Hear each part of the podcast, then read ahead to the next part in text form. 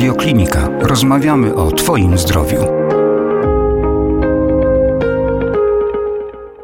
Partnerem podcastu są Polskie Zakłady Farmaceutyczne, Unia Spółdzielnia Pracy, producent leku Uniben na stany zapalne jamy ustnej i gardła.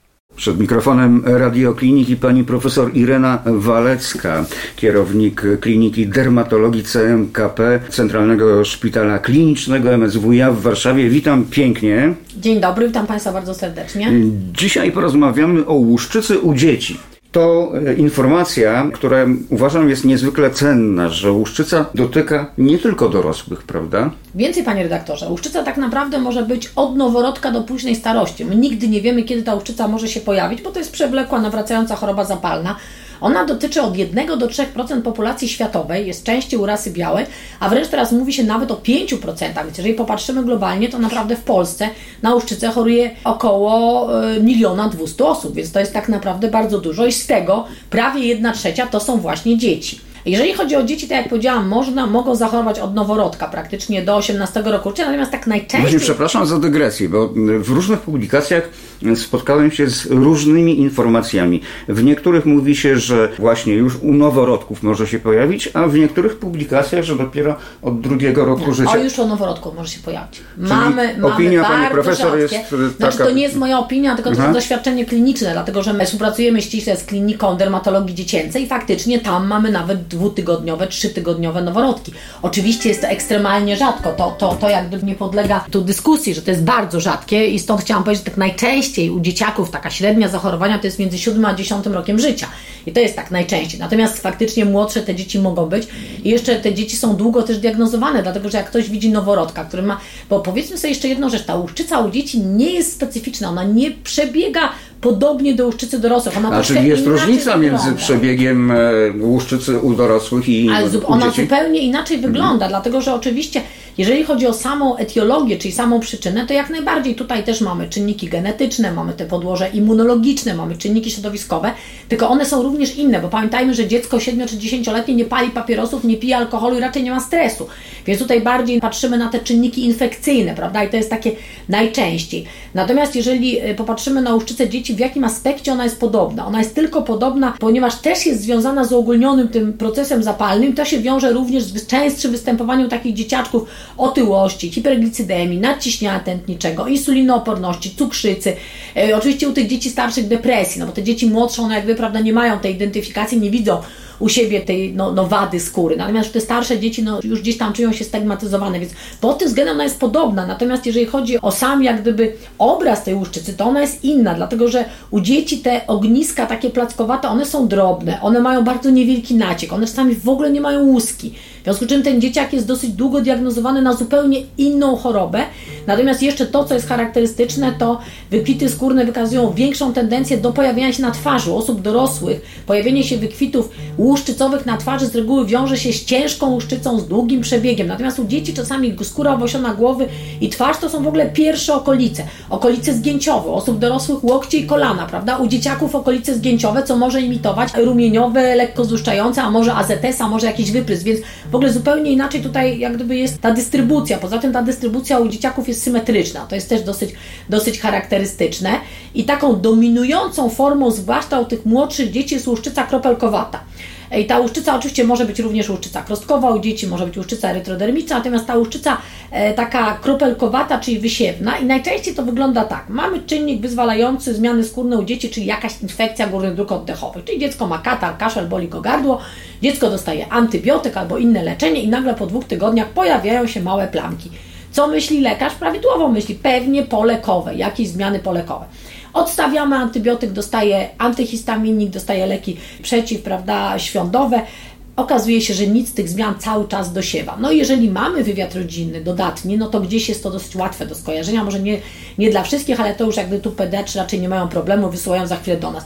Natomiast czasami jest tak, że jak nie ma wywiadu rodzinnego, z niczym tego nie można skojarzyć, to ten dzieciak czasami przez długi okres jest w ogóle leczony na zupełnie co innego, właśnie na jakiś wyprysk, na jakieś zmiany wysiewne, na zmiany polekowe. To tak mniej więcej wygląda. A czy znane są przypadki, że czynniki zewnętrzne, takie jak chemiczne, fizykalne i inne, inne mogą u małego, młodego człowieka wywołać łuszczycę? Znaczy tak, ale musi mieć podłoże genetyczne. Pamiętajmy, że te wczesne łuszczyce to są również łuszczyce, które mają podłoże genetyczne, bo te łuszczyce o wczesnym początku, czyli do 40 roku życia, w 90 paru procentach są łuszczycami o podłożu genetycznym. Więc jeżeli mamy dzieciaczka z taką mutacją w genie, plus do tego czynnik środowiskowy, który zadziałał, jakiś toksyczny, jak najbardziej tak.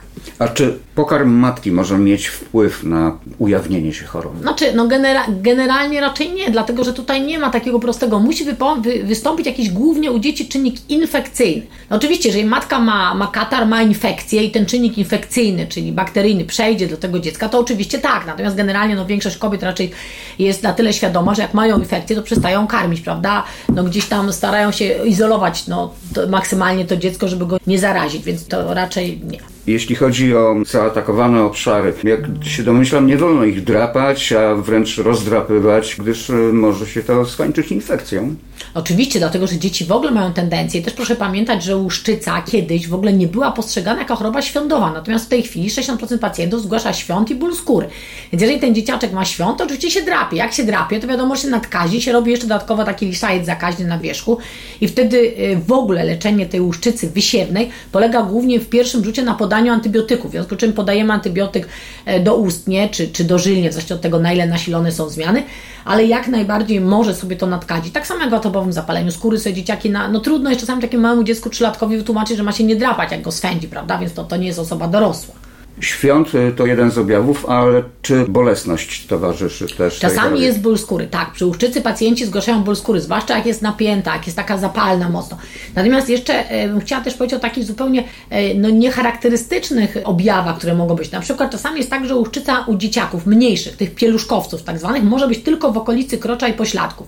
I wtedy mamy tak zwane łuszczycowe, pieluszkowe zapalenie skóry, które no, praktycznie jest naprawdę bardzo trudne do rozpoznania i do zakwalifikowania, że to jest łuszczyca, prawda? Natomiast jeszcze taka jedna uwaga, że ta łuszczyca u dzieci ona ewaluuje, dlatego że ta łuszczyca wczesna to jest właśnie mało charakterystyczna, zupełnie niecharakterystyczne obszary, prawie bez łuski. Natomiast czym jest dziecko starsze, to ta łuszczyca zaczyna przypominać tą taką klasyczną łuszczycę plackowatą, rumieniowo-złuszczającą z takimi dużymi obszarami. W związku z czym tutaj jak gdyby to przesunięcie w kierunku już tych dorosłych tak następuje właśnie po tym 13, 14, 15 roku życia. Jeszcze chciałam powiedzieć, że u dzieci na przykład często zajęte są paznokcie, bo łuszczyca paznokci jest mniej więcej u 40% dzieci z łuszczycą, więc dość jak gdyby dużej grupie, prawda? A o co nam jak się pod płytką paznokciową. Tak, oczywiście tak? mamy rogowacenie podpaznokciowe, mamy takie dziurki w paznokciach, mamy onycholizę, mamy no, szereg różnych, różnych jak gdyby objawów paznokciowych, natomiast proszę pamiętać, że zajęcie skóry owosionej głowy paznokci to są czynniki predykcyjne do łuszczycowego zapalenia stawów, więc na to dziecko już musimy patrzeć tak gdyby bardziej Czyli konsekwencja. Oczywiście, plus dodatkowo te choroby współistniejące, o których mówiłam, otyłość, cukrzyca, więc jest to dziecko do takiego naprawdę nadzoru pediatrycznego.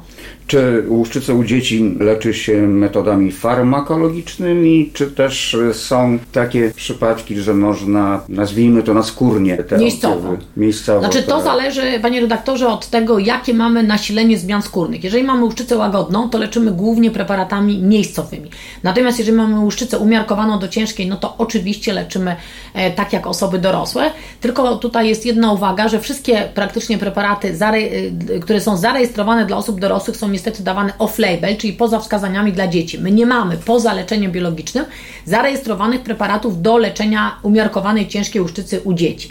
Jeżeli chodzi o leczenie miejscowe, no to praktycznie tutaj mamy dość duże ograniczenia, bo część preparatów jest po prostu toksyczna, typu na przykład jakiś kwas salicylowy to można, ale dopiero po szóstym roku życia, diekcję to niekoniecznie, natomiast takim podstawowym lekiem dla dzieciaków jest cygnolina, e, słabe glikokortykosterydy, inhibitory kalcyneuryny plus emolientowanie, czyli natłuszczanie. To jest takie podstawowe leczenie.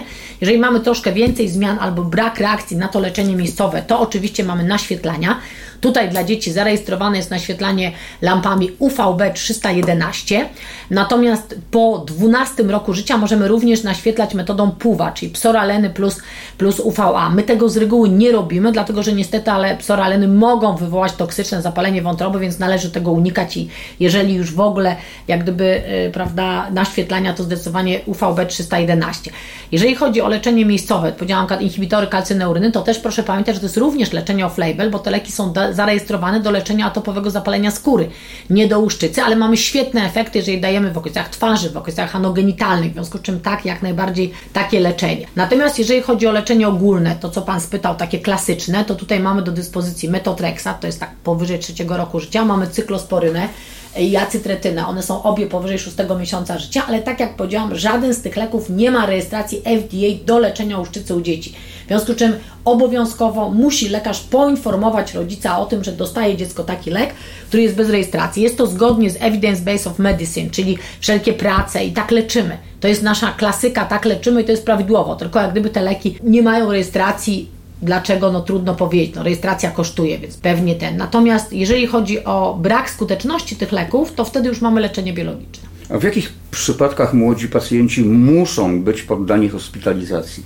Znaczy generalnie tutaj hospitalizacji, jeżeli mamy uszczycę umiarkowaną do ciężkiej, czyli zajęcie dużej powierzchni ciała, to naprawdę zdecydowanie lepiej jest takie dziecko zhospitalizować kilka dni, zrobić mu wszystkie badania, dlatego że jeżeli przygotowujemy dziecko do terapii immunosupresyjnej, prawda, cyklosporyną czy, czy metotreksatem, to te dzieci mają wykonywane takie same badania jak osoby dorosłe, w związku z czym lepiej to wykonać kompleksowo, e, jak gdyby takie dziecko przebadać, czy nie ma żadnych przeciwwskazań, przebadać je fachowo, niż takim dzieckiem matka chorym ma spacerować po 150 doktora, gdzie każdy tam będzie zlecał co innego. Są pewne konkretne badania, które muszą być zrobione pod konkretne leczenie i to z reguły się robi w trybie hospitalizacyjnym, plus dodatkowo oczywiście pacjent dostaje od razu leczenie. Tak jak tego jeszcze powiedziałam, jedną rzecz, to myślę, że co jest istotne, dlatego że w tej chwili mamy program lekowy B47, który praktycznie uwzględnia w programie lekowym jeden, jedyny lek do terapii biologicznej, etanercept, to jest od 6 roku życia.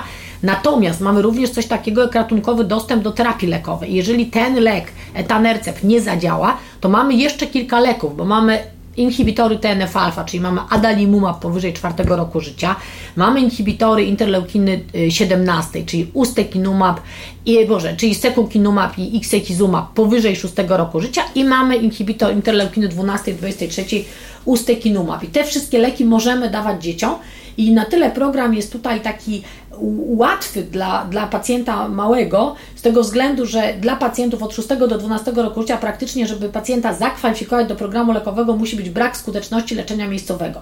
U osób dorosłych niestety muszą być również jeszcze dwie użyte metody ogólne, więc jak gdyby u osób dorosłych jest trudniej takiego pacjenta włączyć do, do programu lekowego. Czy łatwiej zaleczyć łuszczycę dziecięcą, czy tę u dorosłych? No niestety, ale te łuszczyce dziecięce, te łuszczyce o takim wczesnym początku, one niestety tym dzieciom towarzyszą tak naprawdę do końca życia, w związku z czym tutaj dość szybko czasami wkraczamy z takim bardziej intensywnym leczeniem, właśnie tym leczeniem biologicznym, żeby zapobiec wszelkim powikłaniom tego uogólnionego stanu zapalnego, dlatego że właśnie ten uogólniony stan zapalny daje te wszystkie choroby współistniejące, więc my walczymy z tym, żeby dziecko nie rozwinęło otyłości, nadciśnienia tętniczego, cukrzycy, insulinooporności, więc stąd jak gdyby e, często, no przy, oczywiście musimy mieć y, określone wskaźniki zachowane, czyli to PASI, BSA, DLQI musi mieć powyżej, właściwie CIDEN, DNQI, czyli tą jakość życia dziecięcą powyżej 10, żebyśmy mogli takiego pacjenta jak gdyby włączyć na leczenie prawda, ogólne.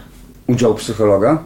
Jak najbardziej. Znaczy w ogóle, proszę Państwa, łuszczyca jest chorobą bardzo mocno stygmatyzującą. Może do tam 5-6 roku życia, gdzie dziecko nie ma tej pewnej świadomości swojego ciała, e, to nie przeszkadza, ale już u tych dzieci starszych, nawet 8 czy 9 latki, one już widzą, bo się dzieci od, od nich odsuwają, bo mówią, że masz grzyba za paznokciami.